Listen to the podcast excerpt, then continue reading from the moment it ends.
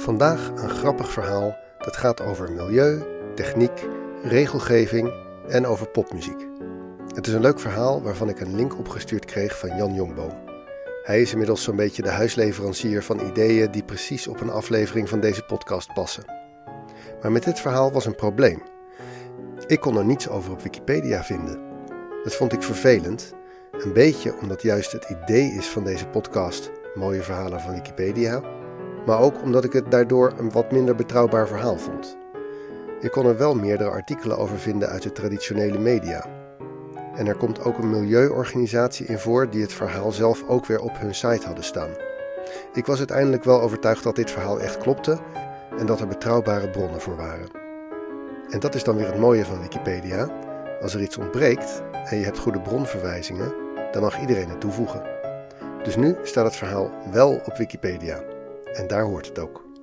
Hier is Nooit Geweten, aflevering 45.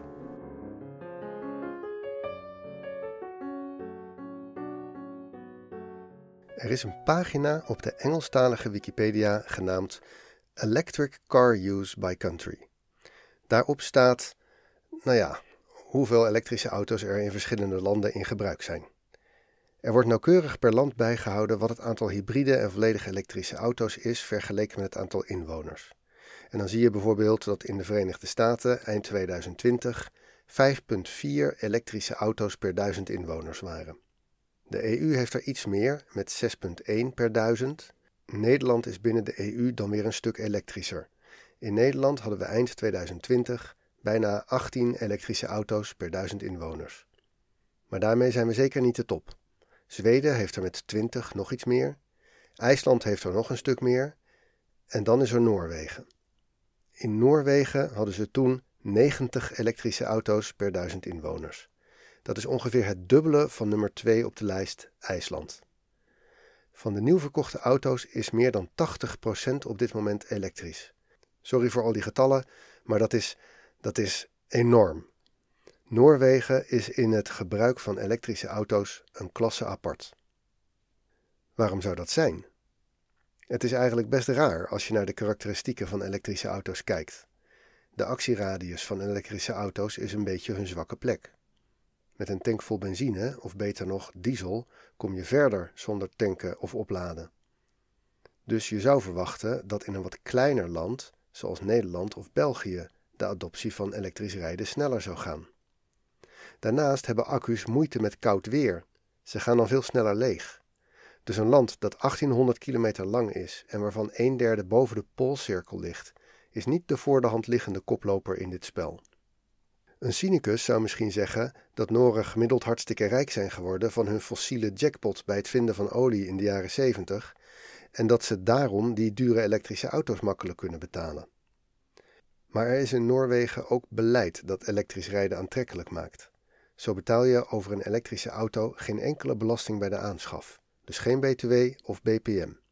Dat maakte de aanschaf van zo'n auto concurrerend met een benzineauto. En in het gebruik zijn er ook grote voordelen. Een Noor kan natuurlijk zijn auto opladen met zijn eigen zonnepanelen, net als een Nederlander. Maar in de winter tikt dat in Noorwegen niet erg aan. Dan is het er bijna altijd donker. Maar elektrische auto's betalen daarnaast geen wegenbelasting. Ze betalen niet voor tolwegen en ferries. En tijdens het opladen is het gratis parkeren op een oplaadpunt. Dat is de reden dat zoveel Noren elektrisch rijden. En zoals een trouwe luisteraar van deze podcast inmiddels weet, zit er onder een antwoord altijd een diepere waarom-vraag. Waarom zijn die fiscale regels in Noorwegen zo aantrekkelijk voor elektrisch rijden? Deze zie je vermoedelijk niet aankomen, maar een deel van het antwoord op die vraag begint bij een Noorse popgroep uit de jaren 80.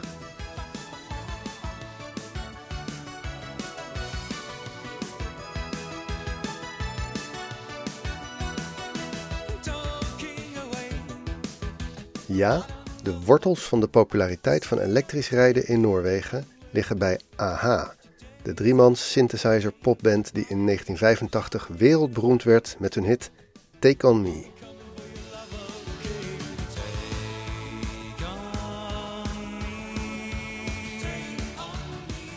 Het was een lekker liedje, daar niet van, Maar het werd vooral zo'n hit omdat er een heel vernieuwende videoclip bij zat, waarin filmbeeld en animatie door elkaar heen werden gemengd op een manier die de wereld nog niet eerder had gezien. En natuurlijk omdat de drie leden van AHA hele knappe vikingen waren. Ze wonnen met Take On Me de Videoclip of the Year MTV Award en dat deed er in die tijd heel erg toe. Videoclips waren nieuw en hot en AHA werd in één keer een wereldwijde topact. De clip is nog steeds heel tof en is een van de vaakst bekeken videoclips op YouTube, meer dan een miljard keer. Over dat stormachtige eerste jaar kwamen ze nooit meer heen. Sommigen zouden ze tegenwoordig een one-hit wonder noemen, maar dat gaat te ver. Na Take On Me hadden ze nog een paar kleinere hitjes en de drie bleven toeren en platen produceren. Ze maakten nog de soundtrack voor de Bondfilm The Living Daylights en daarna hoorde de rest van de wereld niet zoveel meer van ze. Maar in Noorwegen bleven de heren supersterren, bekende Noren van de A-categorie. Die werden uitgenodigd voor premières, openingen, events, die hun beroemdheid konden inzetten voor doelen die ze een warm hart toedroegen. En zo kwamen ze in 1989 in contact met Frederik Hauge, de oprichter van de milieuorganisatie Bellona. Hauge is zelf inmiddels ook een soort bekende Noor, maar toen was hij nog maar net bezig. Bellona verzette zich tegen de vervuiling die de winning van olie en gas veroorzaakte en deed dat met vooral publicitaire acties. Ze waren heel goed in het bespelen van de media. En daarvoor waren de muzikanten van AHA super interessant. Dus nodigde Hauge de heren uit om eens met hem mee naar een congres te gaan over alternatieven voor olie en gas. Twee van de drie hadden wel zin, en zo kwam het dat Hauge samen met toetsenist Furo Holmen en de zanger en hunk Morten Harket afreisde naar een conferentie in Zwitserland over elektrisch rijden. In 1989 was dat natuurlijk nog heel experimenteel. Het meest praktische wat ze zagen bij de conferentie was een stel hobbyisten die bij wijze van proof of concept een oude Fiat Panda hadden omgebouwd. De hele motor was eruit gehaald en vervangen door een elektromotor. Zoveel mogelijk ruimte was volgestouwd met accu's, inclusief de achterbank. En het ding kon niet erg hard, ongeveer 75, want de accu's maakten het wagentje heel zwaar. En hij had een actieradius van 45 kilometer. Je kon er met heel veel moeite met drie volwassenen in en dan mochten ze nauwelijks ademen. Maar hij liep niet op benzine of diesel. Je kon hem opladen met netspanning en het ding werkte wel echt. De twee muzikanten vonden het een geinig ding en besloten hem te kopen en mee terug te nemen naar Noorwegen. Dat was makkelijker gezegd dan gedaan. De koop was op zich snel gesloten en het transport van het autootje naar Noorwegen was niet gratis, maar dat kon de heren weinig schelen. Maar eenmaal thuis begon het gedoe. Met zo'n omgeknutselde auto mocht je natuurlijk niet zomaar in Oslo de weg op. Het model moest worden goedgekeurd door de Noorse tegenhanger van de RDW. En een auto met een elektromotor, daar hadden ze nog nooit van gehoord. Het was zelfs niet duidelijk onder welke wet dit voertuig moest gaan vallen. Om een personenauto te registreren moest je bijvoorbeeld aangeven of hij liep op diesel, benzine of LPG. Dit was het punt waar het voor celebrities wat te tijdrovend zou worden en waar Bellona het van ze overnam. Hauge ging het gevecht met de bureaucratie aan en wist uiteindelijk de registratie uit het vuur te slepen. Hij wist de auto te registreren als camper, omdat er een klein verwarmingje in zat dat een propaancilinder gebruikte. Campers hadden dat ook vaak aan boord, dus dat kende de wetgever wel als brandstof en je kon dat op het formulier aanvinken. Dus kreeg de eerste elektrische auto van Noorwegen een registratie als kampeerauto. Vervolgens begon de lol. Het was natuurlijk helemaal geen handige auto, maar dat was ook helemaal niet de bedoeling van Frederik Hauge. Het ging om het campagne voeren en de media-aandacht. Er bestonden in de tijd regelingen waaronder bepaalde auto's een belastingvoordeel kregen omdat ze beter waren voor het milieu. Volgens Hauge en zijn beroemde vrienden zou dat voor hun pandaatje dan helemaal moeten gelden. Maar de aanpak was natuurlijk niet om het officieel aan te vragen, maar met een opvallende actie. De snelwegen rond Oslo zijn tolwegen en hebben behoorlijk hoge tarieven. Om hun punt te maken begonnen ze zo vaak mogelijk met hun karretje door de tolpoortjes te rijden zonder te betalen. Vaak reden ze echt rondjes, bij de volgende afslag er weer af, stukje terug en weer door het tolpoortje. Ze lieten de bekeuringen gewoon binnenkomen en betaalden niet. Totdat de politie natuurlijk kwam voorrijden en de wagen in beslag nam. Volgens de geldende procedure werd de auto dan publiekelijk geveild om de boetes te betalen. Alleen zat natuurlijk helemaal niemand te wachten op een heel klein autootje met een achterbank vol accu's waarmee je misschien net 45 kilometer kon rijden. Dus bood er niemand op de auto anders dan de heren zelf en kochten ze hun auto weer terug voor 200 kronen. Een paar tientjes in huidige euro's. En vervolgens begonnen ze meteen weer rondjes over de snelweg te maken zonder te betalen. Als dit gewoon een stel milieuactivisten was geweest met hun gekke karretje, dan had er misschien ook wel een stukje over in de krant gestaan. Op pagina 12 of zo.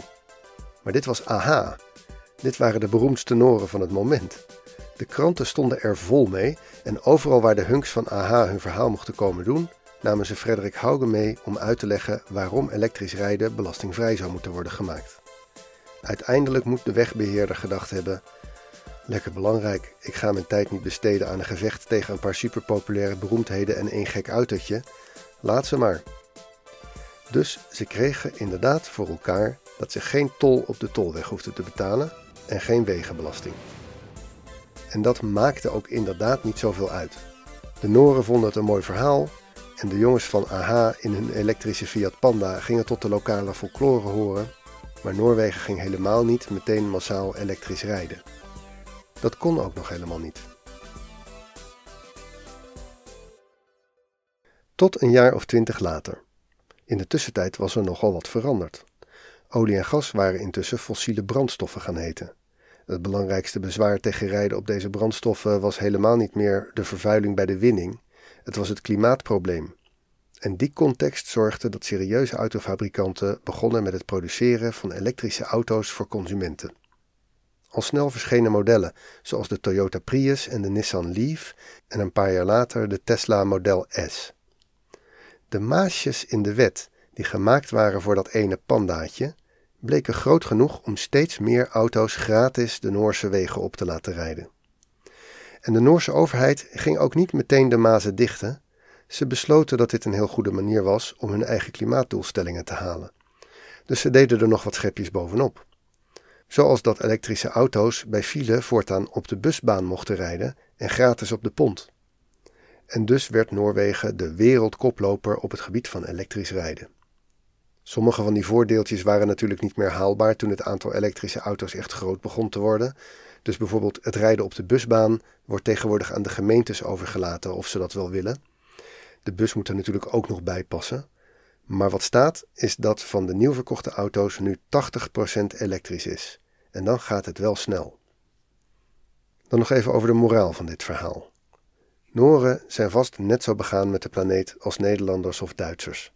Niet minder, maar ook niet veel meer. De reden dat ze zoveel in elektrische auto's rijden is ook niet dat ze enorm van jaren 80 pop houden of dat ze enorm idolaat zijn van de mannen van AHA, die inmiddels ook de 60 gepasseerd zijn. Het is gewoon dat een elektrische auto met alle belastingvoordeeltjes en kleine voordeeltjes in het gebruik een aantrekkelijker koop is dan een auto op fossiele brandstoffen. Je zou dus kunnen zeggen dat het gewoon werkt. De Noren hebben een beleidsinstrument waarmee ze op dit vlak ver, ver voorop lopen op de rest van de wereld. Aan de andere kant, de wegenbelasting moet natuurlijk nog steeds worden opgebracht. Het is niet alleen dat elektrische auto's kunstmatig goedkoop worden gemaakt, een auto op benzine is er ook kunstmatig extra duur. En niet iedereen, ook niet in Noorwegen, kan het zich veroorloven om even een nieuwe Tesla te kopen. Dus staat er tegenover de steeds grotere vloot elektrische auto's een steeds verder vergrijzende vloot fossiele auto's. Het alternatief voor elektrisch is meestal door blijven rijden in een oude stinkende dieselwagen. En je kan iedere euro voor het stimuleren van klimaatvriendelijke acties ook maar één keer uitgeven. Dus of we nu in heel Europa het beleid van Noorwegen moeten volgen, misschien niet blind. Maar wat dit verhaal wel duidelijk maakt, is dat je echte dingen kan bereiken als je het financieel aantrekkelijk maakt. En dat je als populaire muzikant nog best veel impact kan hebben als je je achter een goede zaak schaart. Dit was aflevering 45 van Nooit Geweten. De oplossing van de fotopuzzel was de pagina AHA. Nogmaals dank aan Jan Jongboom voor de tip over dit verhaal. Nooit Geweten wordt gemaakt door mijzelf, Teun Duinstee, en is een hommage aan Wikipedia. Inmiddels staat dit verhaal dus ook op Wikipedia, maar het meeste komt uit de artikelen die ik ook als externe bronnen aan Wikipedia heb toegevoegd. Nog meer artikelen staan in de show notes. Ook vind je in de show notes een Wikipedia fotopuzzel waarmee je kan uitpuzzelen waar de volgende aflevering over gaat. Heel veel dank aan alle schrijvers die hebben bijgedragen aan de artikelen, aan de makers van de muziek en natuurlijk aan jou voor het luisteren. Ken je iemand die dit een leuk verhaal zou vinden? Stuur het dan door. Dankjewel.